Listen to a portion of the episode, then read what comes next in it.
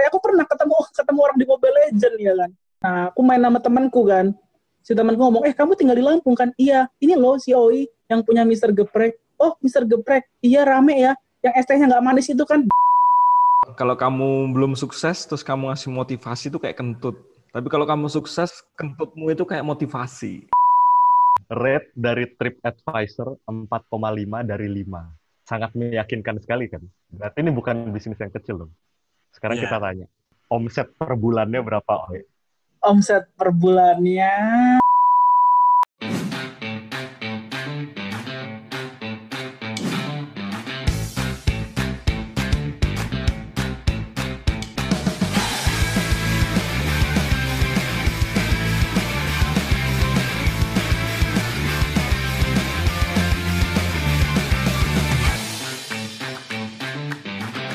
Halo, selamat malam semuanya. Balik lagi di podcast sebelum jadi bapak-bapak. Wih, Asik. Asik, asik, asik, asik, asik.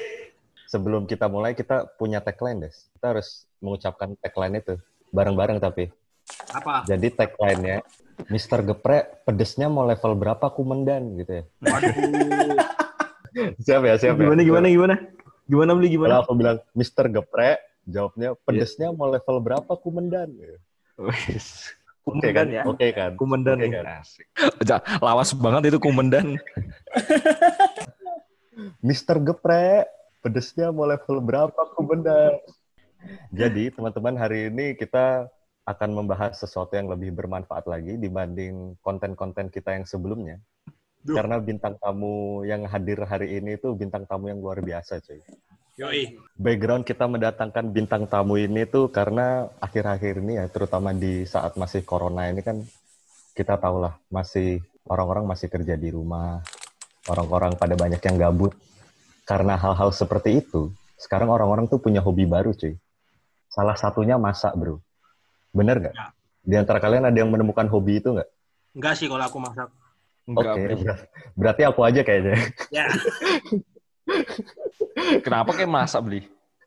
ya Kenapa? seneng aja, emang seru aja. Kulihat kan Oh gitu. di YouTube YouTube William Gozali, Devina Hermawan, Arnold Purnomo, Sokugeki no Soma, Yukihira Soma. Nah, tapi banyak juga yang menyalurkan hobi-hobi mereka masak itu mereka mulai berjualan cuy, mulai berbisnis. Oh ya, ya. Ya kan? Banyak mulai jualan apa Korean cheese garlic bread, Ya itu viral juga ya. ah, viral terus yang bar- sebelum itu juga sempat viral Dalgona Coffee. ya. Dessert box, dessert box. Iya, dessert box tuh. Dalgona Coffee itu yang ngocoknya bikin tangan berotot 40 menit nggak nggak ngembang. Pakai mixer satu menit ngembang. nah, maka dari itu sebenarnya karena banyak yang apa ya mereka mulai terjun ke dunia bisnis kuliner itu nggak salah sih. Cuman banyak yang mereka nggak ngerti apa-apa tapi mereka main terjun aja. Oleh karena itu, buat kalian-kalian yang merasa usaha kalian tidak laku, bukan karena makanan kalian en- tidak enak, ya mungkin itu betul satu. Yang Buset. kedua, mungkin kalian tidak mengerti Bisa caranya. jadi. orang. Bisa jadi. ya kan bisa jadi, bro. Oh iya, iya. Ah, Anda ini baru memotivasi, udah menjatuhkan, Pak. Eh, sekarang kita bicara teknisnya aja.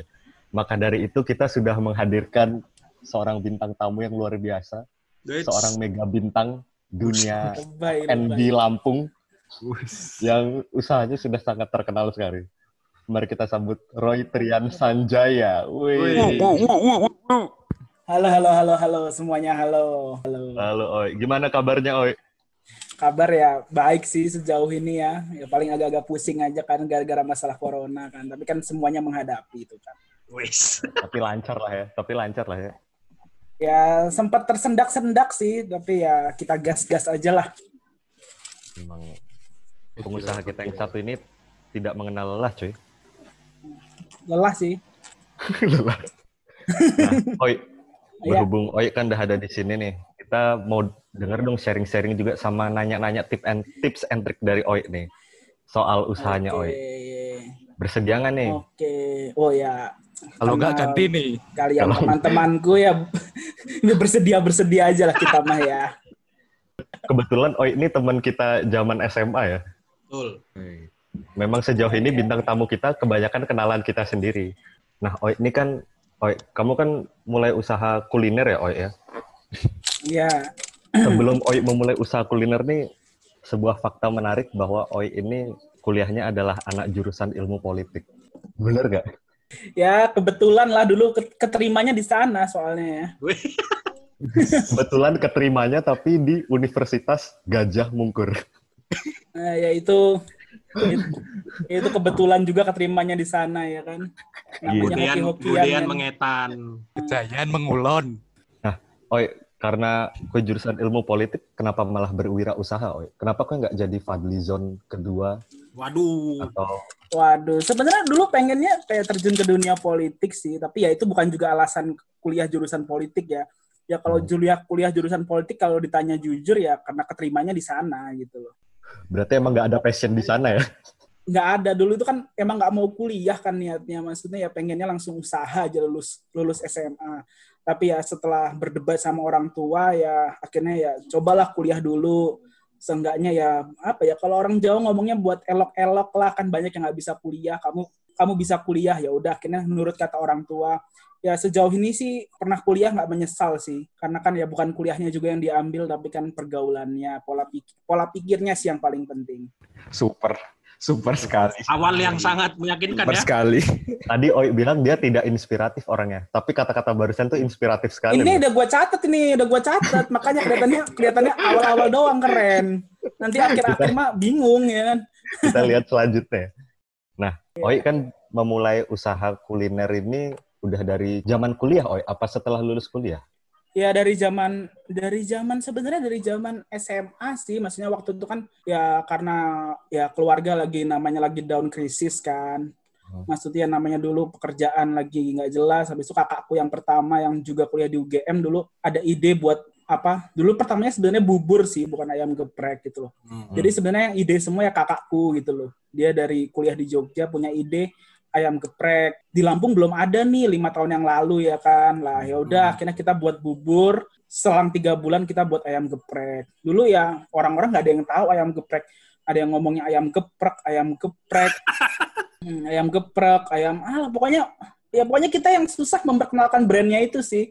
Tapi ya kita kan nggak sendiri kan. Nah, mas gue kan ada papaku, habis itu aku kan juga sering bantuin. Hmm. Jadinya ya pelan-pelan kita ya memperkenalkan dulu brandnya lah promo-promo. Hmm. Ya kalau dalam usaha kayak sekarang itu ya namanya harus bakar-bakar duit lah pertama itu buat promosi gitu loh. Berarti dulu kakak yang di Jogja tahu nih ada prek nih di Jogja terus di Lampung belum. Oh, belum ada Belum nih. ada, benar. Nah, Oke oke. Dulu di Jogja yang paling ngetren kayaknya emang itu sih yang pertama ya Bu Yoi, Made itu loh. Yang ah, Bu Rum, Bu Made. Nah itu jadinya buat di Lampung lah. Tapi pertama itu memang nggak laku karena kita bener-bener nyocokin nama Jogja kan. Hmm. Hmm. Cabai sama bawang putih. Ternyata orang Sumatera itu nggak doyan cabai sama bawang putih gitu loh. Akhirnya selang sekitar setahun kita mengubah. Itu titik baliknya Mr. Geprek sih. Nice. Kita mengubah sesuai keinginan masyarakat. Kita pakai tomat atau rempai. Kalau di sini nyebutnya rempai kayak tomat kecil gitu loh. Kita pakai Oh, ya. tomat dan kita pakai dan kita pakai terasi. Jadi ya ya pelajaran sih bahwa kita tuh nggak boleh usaha yang mau kita, tapi usaha yang masyarakat maunya apa. Ikut pasar gitu ya. Jadi, Gimana tuh prosesnya? Sebenarnya apa masyarakatnya yang mau tuh kayak gini? Itu itu gimana tuh proses uh, komunikasinya? Ini pertanyaan yang bagus banget sih. Kita kan pasti ngelihat kan, maksudnya kok usaha kita kok gini-gini aja, sehari cuma laku berapa puluh porsi, kok nggak naik-naik, ya kan. Habis itu kita harus dapetin insight dong dari pelanggan. Ternyata memang mereka tuh sukanya tuh kayak sambal pecel lele di Lampung tuh khasnya sambal terasi gitu loh. Oh gitu. Gimana diulek, Ah. sambal terasi. Nah, akhirnya kita, sebenarnya kan idealis kita di awal kan ya kita nyocokin nama Jogja dong, maksudnya di Jogja Hmm. aja bisa rame. Harusnya di Lampungnya juga rame gitu loh. Ya. Tapi ya ternyata memang nggak bisa lah. Ketika kita mengubah sambal itu sampai detik ini, ya memang kita jagoannya sambalnya gitu loh. Bukan apanya, tapi memang sambalnya yang buat kita jagoan. Ya. Itu pakai tomat, pakai terasi. Jadi ya idealis-idealis itu agak nanti dulu deh kalau kita memang mau mencari pasar dan mencari uang ya. Ya. Tapi kalau kalian juga mau idealis ya nggak apa-apa, pasti ada pasarnya. Tapi kalau kita sedang mencari pasar dan mencari uang secara luas ya menurutku idealis nanti dulu, passion nanti dulu, apa yang Ah. masyarakat mau kita dengerin gitu. Iya sih. Gitu. Itu berarti buat nentuin lokasi sama cabang awalnya ngikut kayak di Jogja juga ya, ngikut di dekat kampus gitu-gitu. Pertama kita dekat kampus memang. Ada juga yang dekat perkantoran. Jadinya itu full masku yang nyari sih dulu karena aku kan juga masih daftar-daftar kuliah. Hmm. Ya memang kita belum belum booming dulu gitu loh. Kita boomingnya karena setelah mengganti sambal dan kita tempatnya di Unila. Pembelajaran juga di Universitas Lampung ya, universitas terbesar di Lampung. Jadi kayak tempat tuh cukup menentukan sih menurutku gitu loh. Di mana ketika tempatnya bagus, parkirannya dapat, ya orang-orang tuh datang itu enak gitu loh. Kalau tempatnya sempit, habis itu agak pelosok itu kita agak susah buat promosinya. Tapi itu nggak masalah sih sebenarnya untuk zaman sekarang ya. Tapi kan zaman dulu kan kayak sosial media belum sebesar sekarang kan. Influencer-influencer sekarang udah banyak kan. Kita- Kita tinggal bayar, mereka pada promo. Tapi kan dulu kan kita masih nyebarin flyer dulu itu, Masih pakai flyer ya, masih masih konvensional. Iya. Ah, kayak di bundaran Unila itu dulu ada temanku namanya Lalo gitu ya temen ini ya itu bantuin nyebar nyebarin ayo dateng habis itu ya jangan lupa promo itu sih yang paling Flyer-flyer yang pakai ada denahnya itu ya. Di sini. ya, ya begitu sih begitu tapi kita kayaknya waktu itu nggak pakai denah sih langsung aja di depan rumah di depan rumah rektor gitu Itu fire apa undangan nikah beli? Biasanya kayak gitu, Pak, kalau flyer-flyer. Nah, ini ada yang menarik ini dari cerita Oye tadi. Di awal, Oye kan sempat bilang dia dulu awalnya jualan bubur. betul Terus akhirnya pindah ke ayam geprek. betul betul Kenapa akhirnya memutuskan pindah ke ayam geprek dari bubur? Dan akhirnya kenapa pilih fokus di ayam geprek? Maksudnya, oke ayam geprek ini bisnis yang bakal aku tekunin. Eh, pertama sebenarnya bubur dan geprek itu masih berjalan bersama sih pada awalnya gitu loh Mm-mm. Tapi ya kita kembali lagi, bubur itu adalah usaha yang bagus. Kalau sampai ditanya pun sekarang bubur adalah usaha yang bagus. Tapi bubur itu terlalu main segmentasi gitu loh. Bahwa orang tiap hari nggak bisa makan bubur gitu loh. Ya mungkin beberapa ada ya. Tapi kayak anak-anak kuliah gitu pasti pada males kan kalau tiap hari suruh makan bubur, bubur, bubur. Jadinya ya Hmm. omset kita pun mengalami stuck. Dibilang kecil enggak, tapi mengalami stuck. Dan kalau geprek ini dia terus tumbuh dari sehari 10 porsi, 20 porsi, 30 porsi, Iya, ah. naik, naik, naik terus. Karena ya gimana kasarannya ya, maksudnya ya orang-orang tuh suka gitu loh makan ayam, es teh, nasi gitu loh. Itu udah kayak combo yang cocok. Orang-orang tiap hari makan itu juga slow gitu loh. Ya, apalagi kalau misalkan kayak misalkan bubur gitu siang siang siang gitu siang siang kan Betul. kayak agak aneh kan makan bubur tapi kalau ayam Betul. sampai malam itu Dulu waktu kita Mister Bubur jam paling sepi siang. Waktu Mister Geprek jam paling rame siang. Siang tuh kayak nggak ada yang makan gitu loh. Orang-orang paling baru makan malam kalau nggak pagi gitu.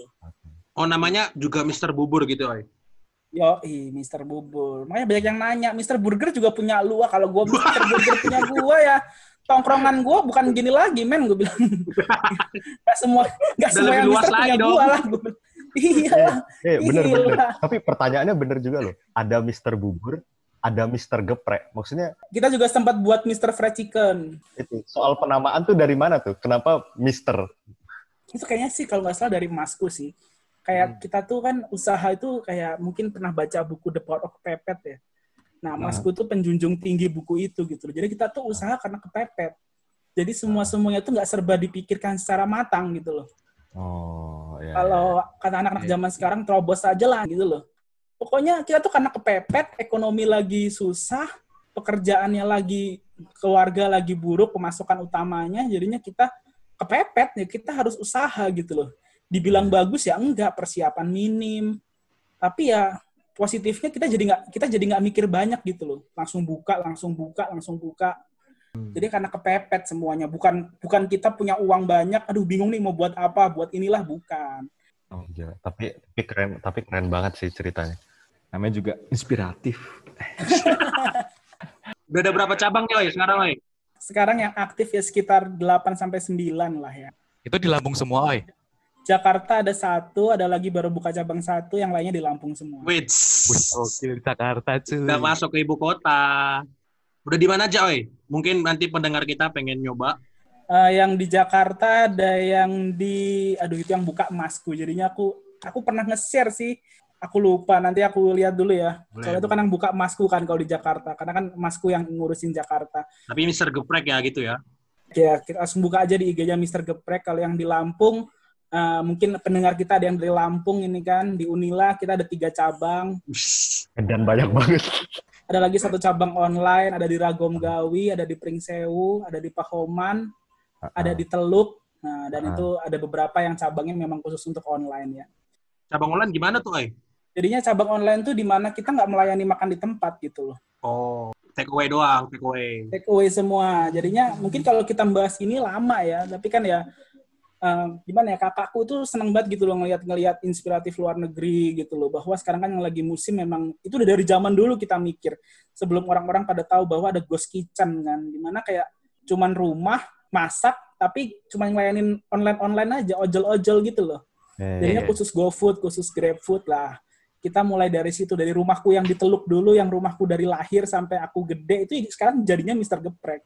Jadi semua tempat yang kita itu ada Mr. Gepreknya gitu loh sekarang. Oh. Tapi justru berarti kalau dengan pandemi gini malah beruntung ya ada ada cabang online ya. Oh, beruntung. Tapi ya makin ke sini sih sebenarnya gimana ya? Kayak online tuh sebenarnya agak susah ditebak sih menurutku gitu loh. Ya kalau ngomongin pandemi lagi, wah pemikiranku jauh lebih banyak ya. Bahwa ya memang Indonesia itu kalau dari segi ekonomi memang nggak sedang baik-baik saja gitu loh. Bahwa sekarang ya memang apalagi ongkos-ongkos online sekarang sudah sedikit mahal kan gitu loh. Harganya naik kalau di tempatku sendiri gitu loh. Jadi kadang-kadang orang ya juga mikir, tapi ya menurun sedikit sih online, tapi tetap membantu. Tapi kalau dulu itu kan promonya masih kencang ya. Kalau kalian sadar nggak nggak sebanyak dulu kan promo Iya. Grab dan Gojek gitu loh. Udah mulai kehabisan bensin mereka. Betul. Kalau dulu kan sering banget kita beli-beli voucher gitu. Tadi kan kayak yang beli bilang, misalkan eh, sekarang Ya. kan eh, pada mulai buka-buka karena mereka mungkin percaya diri makanannya enak atau mungkin ceritanya Betul, betul. kakaknya yang dulu, oh di Jogja eh, ada ayam geprek terus bawa ke Lampung. Mungkin banyak orang yang mikir kayak gitu. Tapi terus langkah selanjutnya yang sebenarnya penting itu adalah nyiapkan modalnya kan. Nah itu Betul. dulu gimana ceritanya? Nyapin-nyapin modalnya gitu. Ya dulu jelas lah ya. Orang tua aku minjem bank gitu loh. Maksudnya ya namanya aja di porok pepet kan. Ya memang udah kita udah nggak ada lagi dana gitu loh. Jadinya ya basicnya kita tuh memang keluarga yang cukup. Tapi karena sedi- alasan jadinya kita minjem dana bank. Tapi sebenarnya ya gimana ya aku juga nggak nyaranin buat yang mau buka usaha minjem bank sih karena resikonya juga besar ya kan. Jadi kembali ke kepercayaan diri kalian masing-masing. Kalau kan emang yakin usaha kalian ini bakal berkembang dan kalian nggak punya uang, kalian memang berani minjem monggo gitu loh. Tapi alangkah lebih baik ya kalau kalian memang pengen usaha dan kalian memang sekarang sudah punya pekerjaan ya mulailah nabung gitu loh. Ya kan nabung dikit-dikit setiap bulannya. Nah, nanti baru kalian buka usaha gitu loh. Terus untuk cabangnya, se- untuk kue membuat cabang-cabang berikutnya, modal sendiri atau pakai investor? Oh, nggak ada investor sama sekali. Itu pure modal sendiri. Sampai sekarang Modal pun kita semua ya? Sudah nggak apa kita banyak banget ya tawaran franchise gitu ya. Maksudnya yang mau franchise Hmm. berapa sih franchise itu banyak banget gitu loh. Bahkan ada pemain besar Lampung juga nawar ya kan. Ya tapi kita gimana ya franchise tuh nggak semudah itu gitu loh. Ya, Banyak usaha yang melesat setelah franchise tapi perlu kalian ketahui juga ada gitu loh usaha yang buruk setelah franchise gitu loh Hmm. jadinya ya kam- dari kami sendiri sih kami merasa masih sanggup dan tapi kami juga merasa masih belum siap untuk kalah franchise tapi sebenarnya ya ke depannya sih pengen sih untuk franchise tapi untuk untuk sekarang kayak kita belum siap untuk perjanjian-perjanjiannya untuk menjaga standarisasinya gitu Dan dulu dulu gimana? Apa Oi? Kan Gimana, Ko? nih, ya kan? hmm, hmm. Kan dulu kan awal satu nih, satu satu lokasi dulu nih. Terus Betul, akhirnya betul. buka cabang. Nah itu eh, pertimbangannya apa dulu? Komunikasinya gimana? Oh, ini saatnya kita buka cabang. Itu gimana dulu? Nah, ya dulu pokoknya kan intinya kan aku kebanyakan di Jogja kan, jadi aku hanya via komunikasi gitu loh, masih sering di Jogja bahwa ya kayak memang banyak orang minta gitu loh, kayak banyak kan papaku tuh adalah orang yang deket sama pelanggan gitu loh, kayak tiba-tiba pelanggan ngomong, Pak Hmm, buka sih di daerah iya. sini, Pak buka sih di Ah. daerah sini. Nah kita akhirnya mendengarkan, tapi kita kan belum melakukan langkah apa-apa kan, lah tiba-tiba ada berapa orang itu kok kata-katanya ini terus, kok daerah sini, daerah sini, daerah sini kita gas lah daerah sana. Oi, oi. Yo, gimana, Bet? Dulu waktu buka pertama karyawannya berapa, oi? Dua. Titik. Dua. Sekarang Nah, 100 kurang. Buset. Buset. Capek gak sih Oi ngurusin karyawan sebanyak itu Oi? Nah itu yang itu yang lagi kerjaanku sekarang sih bahwa Gimana gimana nih? manage manage karyawan gitu loh bahwa ya memang susah apalagi sempat kayak ya malah curhat sedikit ya kayak sempat pandemi ini kita sempat kepukul banget gitu loh gara-gara gara-gara lockdown gitu tuh wah omset tuh menurun 70 sampai 80 persen gitu loh. Anjir. Sedangkan kita ini kapalnya kapalnya sangat-sangat besar gitu loh. Karyawan kita sangat-sangat banyak gitu loh. Makanya kan tapi ya kembali lagi ya ya papa mamaku sama aku sama kakakku rembuk bahwa kita nggak boleh ada pengurangan pegawai, bahwa corona ini hanya sementara gitu loh. Tapi kita harus ngambil langkah kan buat nyelamatin kapal ini gitu loh. Untungnya bahwa puji Tuhan bahwa usaha kita sekarang ini kita nggak udah nggak punya utang gitu loh. Kenapa banyak usaha yang paylit? Karena mereka punya utang, banyak begitu gitu loh. Jadi mereka nggak bisa cash flow-nya nggak jalan gitu loh. Nah, beruntungnya di situ sih dan jadinya kita memutuskan untuk bahwa kita tetap harus berlangkah tapi aku nggak mau ngambil langkah sedikit pun pengurangan pegawai jadinya aku membuat sistem waktu itu langsung nyetos kerjanya gantian. Jadi aku nggak bisa dong dalam aku nyutiin mereka tiga bulan. Tiga bulan mereka mau makan apa? Mereka tuh rata-rata gitu loh yang buat aku kadang-kadang terenyuh sama pegawai-pegawaiku bahwa mereka tuh ada yang nanggung tujuh adik, ada yang nanggung lima adik dua orang tua, ada yang nanggung tiga adik. Aku mikir kalau misalnya itu mereka dicut apa dicutiin tiga bulan atau mereka di PHK apa nggak mereka nangis nangis zaman gini pun nyari kerja di mana? Kan akhirnya ya itu aku membuat keputusan kita kerja dua minggu dua minggu. Setidaknya masih ada penghasilan ya. betul mereka tetap dapat penghasilan setengah mereka tetap dapat penghasilan tetap bisa makan dan aku tetap bisa menjalankan usahaku. Kita juga Hmm. waktu itu sempat memberikan sembako bagi karyawan-karyawan. Jadinya mereka selama dua minggu itu pulang kampung mereka tetap membawa beras membawa mie tetap membawa bahan makanan bahwa kita tetap mikirin nasib mereka gitu loh. Maksudnya aku juga wah kalau waktu itu mau PHK sih rasanya pengen banget tapi ya gimana? Kita nggak nggak tega gitu loh. Kalau Iya. kita mikir bisnis sih gampang aja ya, tinggal PHK mereka gitu. bener. Makanya kadang aku juga nggak bisa nyalahin perusahaan yang mem-PHK gitu loh karena ya mereka harus mengurangi beban pegawai. Itu dari sisiku ya bahwa sekarang kan banyak kan kayak ngelihat komentar-komentar di IG itu kadang-kadang aku lucu sih perusahaan itu selama lima tahun ke mana aja duitnya goyang tiga bulan tapi langsung PHK karyawan dalam hatiku ya kan duit juga diputer sih makanya Yoi. netizen emang paling enak sih kalau ngetik aku kadang komentar di IG Kasih tahu, itu Oi. kayak Kasih tahu. aduh pengen rasanya julid gitu loh buat second account nganjing-nganjingin mereka ya ras maksudnya pemikiran mereka tuh ya iya kan bahwa mereka tuh mulutnya tuh kadang-kadang tuh ya gimana ngomongnya gitu loh ke mana aja sih para pengusaha ini giliran goyang bentar langsung pada PHK ya kalau memang maksudnya pengusaha yang nggak punya utang tuh bisa dihitung pakai jari gitu loh orang-orang terkaya pun pasti punya hutang karena cash flow tuh dalam bisnis sangat-sangat penting gitu loh Ngapain juga uang disimpan-simpan kan? Betul, belum tentu yang uangnya banyak, utangnya dikit. Uangnya banyak, utangnya biasanya juga banyak gitu loh. Itu udah kayak hukum bisnis gitu loh. Tapi aku tersentuh banget Pak soal Oi dengan bagaimana karyawannya des itu. Iya. Cakep Eh, ini, cakep. pencitraan aja sih itu. Gimana cara membangun teamwork di antara karyawan itu Oi? Nah, it- itu sih kalau dulu kita pernah kayak outbound outbound gitu. Biasanya kita setiap tahun setahun sekali atau dua kali sih. Mungkin ada yang pernah ngeliat postinganku di IG Ya, kan, ya. kayak ke Ya, Jakarta, ya, ya, Penting gitu ya. kayak ke pantai, ya. Kayak itu kita membayar orang juga itu memang game-gamenya kayak game-game bener-bener buat kompakan gitu. Habis itu kita udah hampir setahun ini kita tiap pagi itu memulai hal dengan briefing. Tiap ganti shift kita memulai hal dengan briefing bahwa ya kita tanya masalahnya apa. Kita mulai dengan doa, doa secara agama yang ini ya, maksudnya secara universal ya, maksudnya doanya. jadinya ya kita ya itu sih maksudnya ya mengurus karyawan segitu memang menurutku ya itu cukup lumayan ya karena ya karyawan kan pemikirannya beda-beda kan. Ada yang bandel ada yang rajin ada yang hobinya cari muka ya kan? Maksudnya kayak ya untung aja dulu waktu aku SMA sama kuliah aku udah pernah itu semua gitu loh. Aku udah pernah bandel udah pernah cari muka sama itu jadinya ya cari muka dulu kalau SMA sama pamong ya kan cari-cari muka ya kan. Udah ngerti lah ya, udah ngerti. Nah, eh, jadinya ya kayak misalnya sebenarnya kayak sekolah di asrama itu bener-bener menurutku banyak belajar sih kita gitu loh.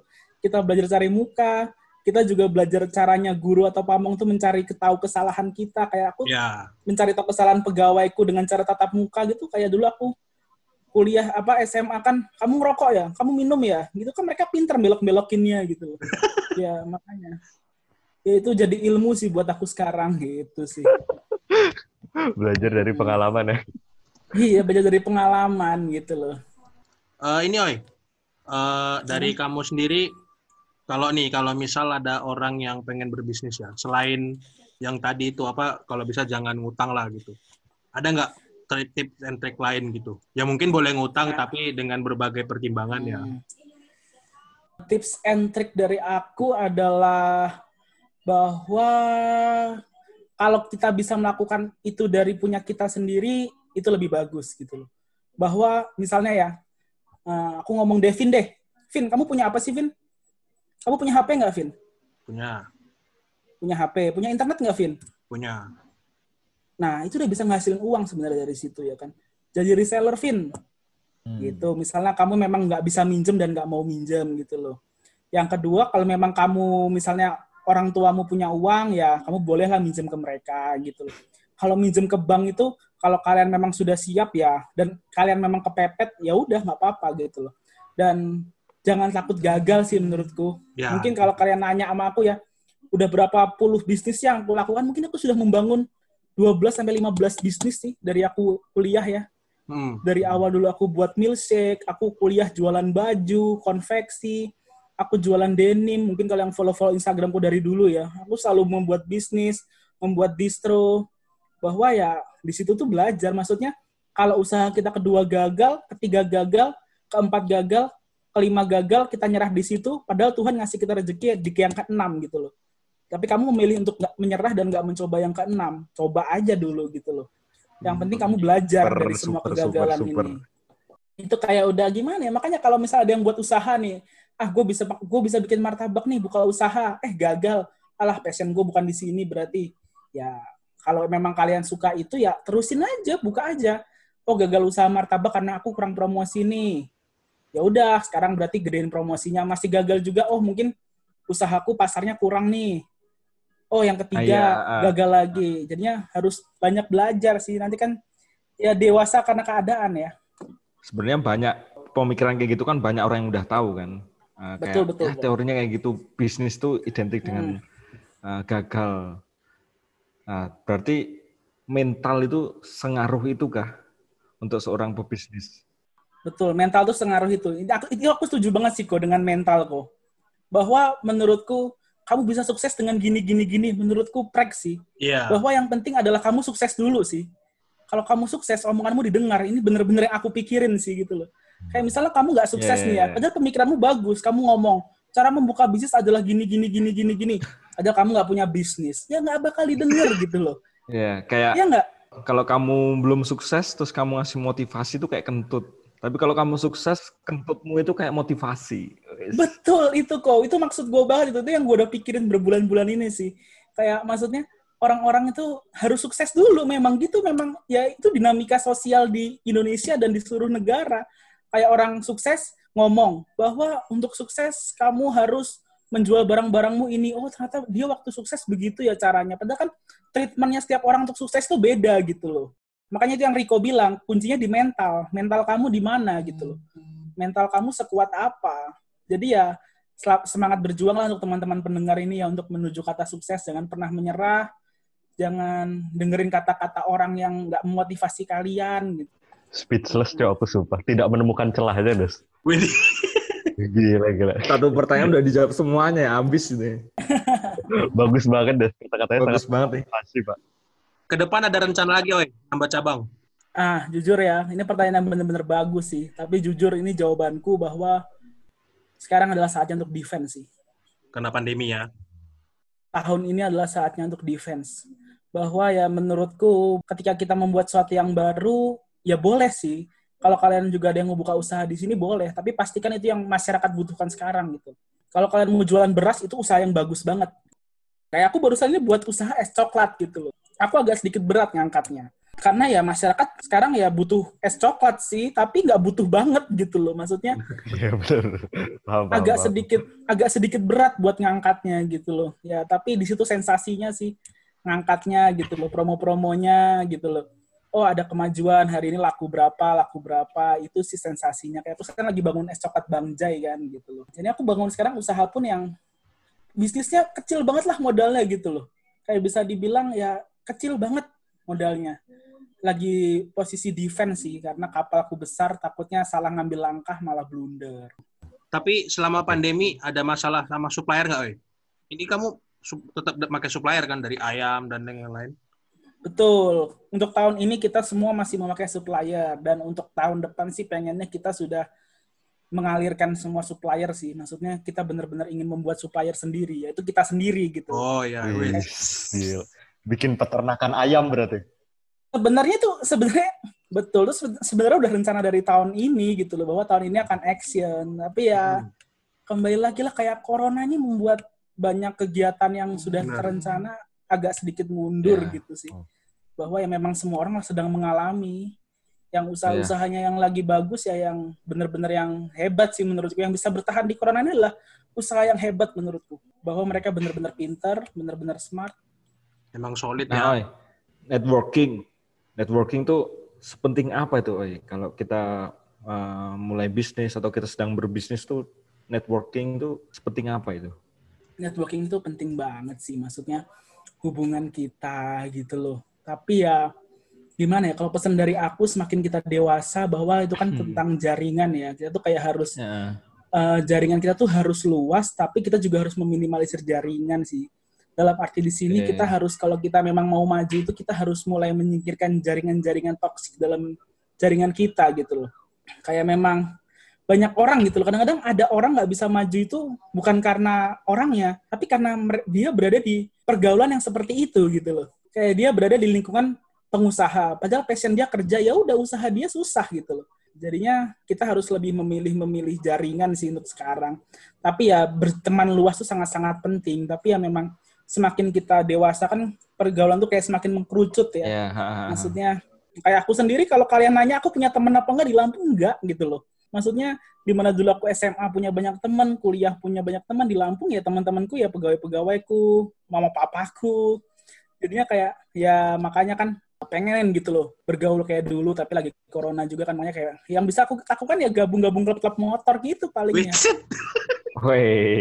pengennya ya biar kita kayak San Moricek gitu ya. Asik. Berarti berarti nggak cuman aku Pak yang nggak punya teman di daerah Pak. Oh kamu juga punya teman beli Aku nggak punya. Udah hilang, Pak. Udah hilang. Eh, Ah. kalau Oi wajar, dia Ah. sibuk berbisnis. Kayak ngapain? Emang sebenarnya dibilang sibuk juga nggak sibuk-sibuk banget sih kok. Kayak aku juga tiap hari kayak bingung gitu loh mau ngapain, apalagi lagi masa pandemi gini kan. Kayak pegawai udah cukup gitu loh. Jadi mau bantuin warung juga bingung, mau buka usaha baru juga nanti dulu deh. Jadi ya ya untung aja lah terselamatkan oleh beberapa game kayak Mobile Legend gitu. Bong As, Bong As. Oi bilang kan temennya piramida Pak. Kalau Hmm. aku lingkup pertemananku tuh kayaknya silinder tuh loh, kecil aja. Nggak nggak pernah punya awalan yang circle yang besar tuh nggak ada. Oh iya iya iya. awalannya tidak menarik ya. Kalau aku bener-bener piramida sih, parah banget sih di Lampung ini. Eh, Oi, ada yang menarik tadi, Oi. Kan kamu cerita kamu udah sebelum Mr. Geprek ini udah punya banyak banget lah nyoba bisnis, udah pernah banyak. Benar. Mulai dari apa tadi denim, denimisme kan aku tahu tuh, konveksi, Konveksi. nah, dan lain-lain banyak. Karena itu gagal kan akhirnya kamu ke Mr. Geprek nih. kembali ke Mr. Geprek ya. Nah, Kapan sih kamu tahu bahwa ketika kamu membuat sebuah bisnis, ah kayaknya bisnis ini nggak jalan deh, gagal. Kayaknya aku harus ganti yang lain. Kapan gimana dan gimana cara kamu memutuskan itu? Hmm. Pada dasarnya bukan itu sih, Bli. Bahwa aku tuh punya sifat buruk yang bener-bener buruk gitu. Dan sampai sekarang kayak aku tuh juga lagi berusaha menghilangkan itu. Bahwa aku tuh punya sifat yaitu sangat-sangat malas gitu. Maksudnya aku tuh punya sifat yang ketika aku tuh malas dan bosenan orangnya. Jadinya kayak mau ini, oh udah mentok di sini. Ah udahlah selesai aja gitu loh. Kayak aku buat denim, barang udah laku kejual semua. Udahlah cari yang lain gitu loh Oh, iya, iya. kayak aku buat sesuatu kayak aku dulu pernah jualan jus bahwa aku tuh punya sifat jelek gitu dalam diri aku bahwa aku tuh orangnya pemalas dan bosenan gitu makanya itu aku penting kata Rico tadi networking gitu tuh itu sangat-sangat penting gitu loh maksudnya pastikan kalian tuh berada di circle di mana orang-orang itu saling melengkapi untuk kalian gitu loh Yang penting saling mendukung gitu ya. Betul, saling mendukung kok. Ya kayak misalnya kita kan udah dewasa ya. Kayak kita kan cowok. Ya kalau bisa kita mempunyai cewek itu yang bisa mengcover sifat kita gitu loh. Asik. Asik. Eh. Ya, asik, asik, asik, asik, asik, asik. Aku tuh keahlianku tuh ya ngomong, eh, manajemen pegawai, sama eh, inovasi gitu loh. Aku nggak aku Hmm. nggak hebat dalam hal eksekusi. Hmm. Untungnya di situ aku punya emasku yang jago eksekusi. Nah, Iya, tapi aku nggak aku nggak bisa lapangan. Aku kurang bisa lapangan dalam itu lah. Papaku yang lapangan. Hmm. Ah. Nah, aku nggak ngerti masalah hukum-hukum. Sekarang kan apalagi pemerintah lagi menggalakkan banget, marah banget ya tiap hari aku kayak ngomongnya tentang pajak, BPJS kena tenaga kerjaan. Lah itu untungnya aku punya mbak dan mas apa mbakku yang ngerti masalah hukum. Nah, aku kan orangnya pemarah, emosi, terlalu gegabah. Lah untungnya aku punya cewek yang bisa ngeredam itu Asik. gitu loh. Asik. Ini ini masukan buat Weda nih. Kok gitu? Enggak, tuh, tapi tapi itu tapi itu penting loh. Maksudnya Benar, itu itu Dalam- penting banget dalam hidup sih. contoh misalkan kita kerja gitu kan, kita kerja kita lagi mungkin lagi suntuk sama kerjaan atau mungkin lagi apes kerjaan dimarahi atasan itu kan mungkin kita ceritanya kan ke pacar kita masing-masing. Betul banget. Bener cuy. Betul banget. Makanya pastikan ya kalian tuh kalau misalnya kalian punya cewek tapi kayak sama kalian aja pesimis terus gitu loh. Kalian Betul, punya saudara yang Hmm. partner kerja, misalnya kalian partner kerja ya, tapi sama kalian pesimis terus, kalian punya ide apa lah, idemu tuh jelek. Tapi mereka nggak Nah. ngasih saran kenapa ide kita jelek. Nah itu yang Iya, bilang betul. relationship toksiknya itu loh, bahwa kalian harus mulai semakin dewasa, mulai menghilangkan lah orang-orang seperti itu gitu, mulai memilih-milih lah bahwa ya orang-orang di belakang kita tuh sangat-sangat penting buat diri kita. Ini kayak sekedar saran yang udah aku alamin sih kayak Ya, aku di sini temanku ya mamaku yang siap dengerin ceritaku kapan aja. Kita mulai harus mencari teman-teman, mulai harus mencari orang-orang sekitar kita tuh yang bener-bener saling mendukung gitu. Ini hari- udah rahasia umum gitu. Itu penting banget sih. Itu terpenting dalam hidupku sih. Karena aku kalau sendiri aku gak bakal bisa sih kayak gini. Maksudnya Ya, ya aku orang yang pemalas, orang yang nekat, nakal, ketolong orang-orang di sekitarku. super gokil gokil. Sepertinya kita tidak salah mendatangkan bintang tamu. Kebetulan aja ya kan. Bener nggak? Punya temen dimanfaatkan sumber dayanya kan tadi kata Roy bilang. Iya, betul. Harus kita harus memanfaatkan apa yang ada dulu aja gitu loh. Jangan berpikir kejauhan. Eh, Oi, menurutmu buat seorang pebisnis gitulah, menurutmu hal apa sih yang penting dimiliki selain mental tadi ya? Sama apa yang menurutmu kalau kamu mau berbisnis, kamu tuh nggak boleh seperti ini? Mungkin kayak rekapan gitu ya, rekap Hmm, yang tadi tadi kita omongin. Sama mental kan. Kedua kan aku tadi bilang jaringan ya. Orang-orang yang mendukung kita ya. Maksudnya gimana circle kita ya. Yang ketiga aku memilih pola pikir sih. Pola pikir itu gimana? bahwa ya memang pola pikir itu sangat-sangat penting gitu loh dalam berbisnis. Kayak ya misalnya ada dua sih. Ada yang ngomong fuck passion, money first gitu loh. Ada yang ngomong passion itu adalah segalanya gitu loh. Jadi aku nggak menyalahkan atau membenarkan keduanya. Jadi ya terserah kalian gitu loh. Kalau kalian memang suka bermusik, mau usaha tentang musik, ya jalanin aja. Yang penting kalian yakin gitu loh. Dan niat ya, dan emang total ya. Betul. Yang penting niat dan total. Bener sih. Ya memang kalau misalnya kalian usaha gitu loh. Kayak yang mau, ya misalnya mau harus rela bangun pagi, tidur malam. Kayak aku ini nggak bisa bangun pagi, tapi aku bisa tidur pagi gitu loh. Jadinya aku jam tidurku tuh kebalik sekarang itu. Jadi sif-sifan sama papaku. Papaku yang pagi, aku yang agak siang. Nah, jadi ya pola pikirnya yang harus Oke, ini bahasan kita dari tadi kan cukup, ini sangat, bukan cukup ya, cukup berat tapi sangat inspiratif. Cukup lagi, sangat ini mah, sangat ini. Sekarang kita sedikit menurunkan tensionnya. Oke, boleh, Kita boleh. yang, Boleh, kita boleh. yang sedikit ringan-ringan. Kita tanya-tanya soal ayam geprek nih. Ayam geprek nih rame, rame kan pasti karena banyak faktor ya. Salah satu faktor hasil riset saya, wes, ayam Mister Geprek ini terkenal banget karena udah rasanya enak, harganya murah, es teh gratis seumur hidup katanya. Anjing. Kamu udah meriset sekali kayaknya. Box. Woy. Aduh. Oh, dengan harga ayam geprek yang standar seperti itu, 15 ribuan, terus porsinya lumayan banyak, dan harga es teh gratis refill seumur hidup. Dapat keuntungan dari harga segitu dan nentuin harga gimana caranya, Oi? Nah, sekarang harga, kita udah naik sih akan jadi 16 ribu. setelah empat tahun ya tahun keempat tahun menuju tahun kelima kita naik gitu loh belum lama ini ya, sekitar enam bulan enam bulan delapan bulan lah kita naik dan ST kita nggak free refill sih beli jadi kayak ST kita dia cuma dapat satu. Tapi Oke. kalau usahaku yang Indomie pedas kuliah itu itu free refill so bener-bener free refill gitu loh. Kalau Mr. Geprek ini nggak free refill. Kayak itu tuh kayak cuma sebagai tagline. Ya ibaratnya kayak apa ya? Kayak clickbait gitu loh. Bahwa ya kita Oke. free ST seumur hidup. Jadi orang kan wah anjing free ST nih nyobalah gas. Kayak yang penting kan orang kan untuk awal kan datang dulu kan. Nah, kita nggak tahu ternyata sampai keterusan sampai sekarang gitu loh. Begitu dan ya kalau kalau ada sisi negatifnya ya bahwa kadang-kadang kita tuh oh Mr. Geprek oh yang ST-nya nggak manis itu ya ST kita nggak manis gitu loh ya itu negatifnya gitu loh jadi ya kayak aku pernah ketemu ketemu orang di Mobile Legend ya kan nah aku main sama temanku kan si temanku ngomong eh kamu tinggal di Lampung kan iya ini loh si Oi yang punya Mr. Geprek oh Mr. Geprek iya rame ya yang ST-nya nggak manis itu kan bajingan dalam hatiku ketemu di Mobile Legend kenalnya itu gara-gara ST nggak manis tapi habis itu dia ngomong iya habis itu dia ngomong eh wajar lah kan gratis lah itu Oh. jadi kayak ada penyakit ada obatnya gitu loh Tapi ada awareness-nya kan? benar ada Kan berarti dari clickbait itu kan jatuhnya ke branding ya. Caramu Betul. membranding Mr. Geprek itu seperti apa ya? Apa dengan apa dengan memberi clickbait sebanyak mungkin? Atau gimana? Enggak sih nggak banyak banyak clickbait. Kita ya kayak kamu ngomong kan beli untungnya dari mana? Ya mungkin kalau orang Jogja ngomong anjir 15 ribu 16 ribu ya udah mahal lah untuk ayam geprek.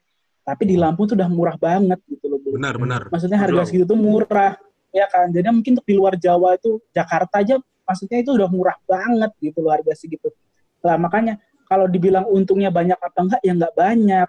Nambah minum ya kan? Nah itu untung Hmm. kita. Kita jualan milsek harga 8000 Nah, kita nambah nasi harga 4000 ya kan? Lah dari situ loh untung untung lumayannya beli.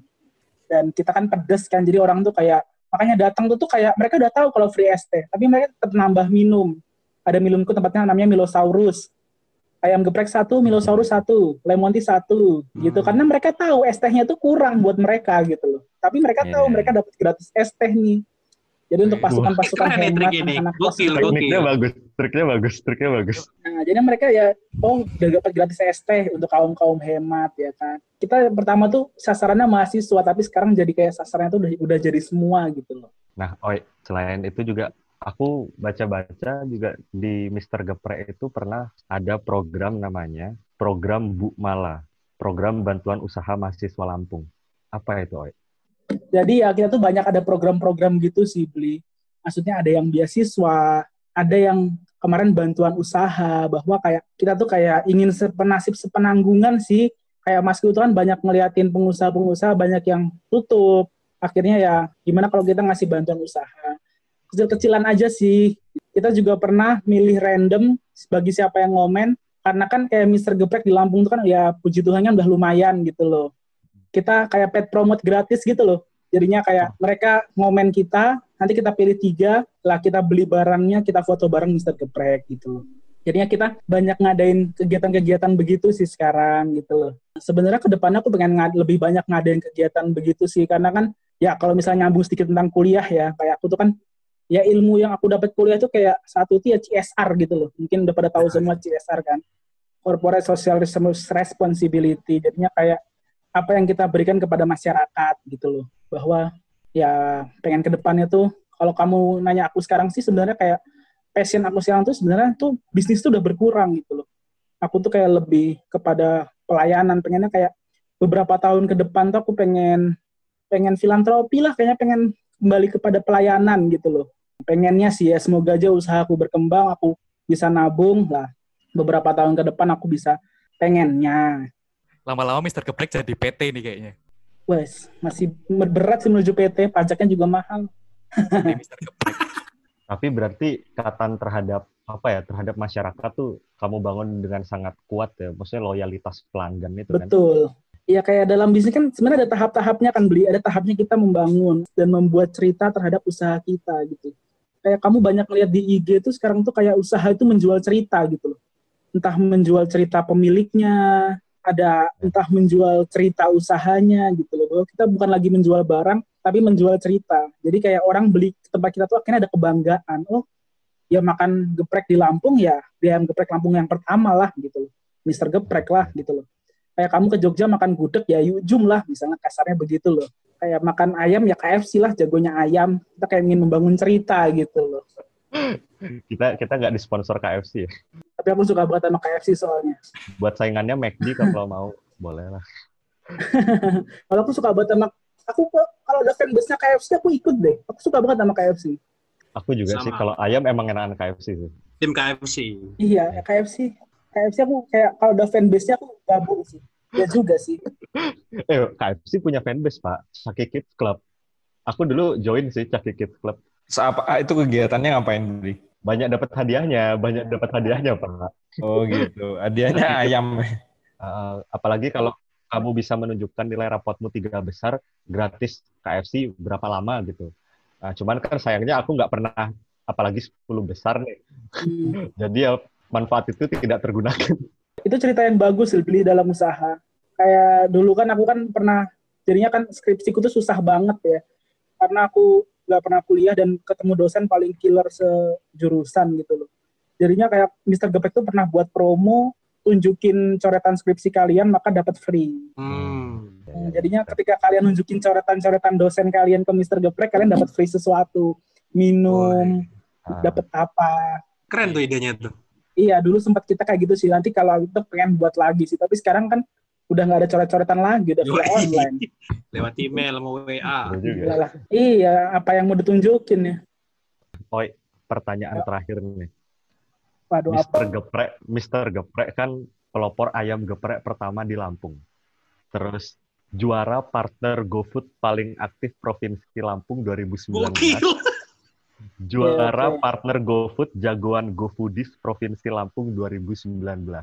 Oke, oke, oke, oke. Rate dari TripAdvisor 4,5 dari 5. Sangat meyakinkan sekali kan. Berarti ini bukan bisnis yang kecil loh. Sekarang Iya. kita tanya. Omset per bulannya berapa, Oi? Omset per bulannya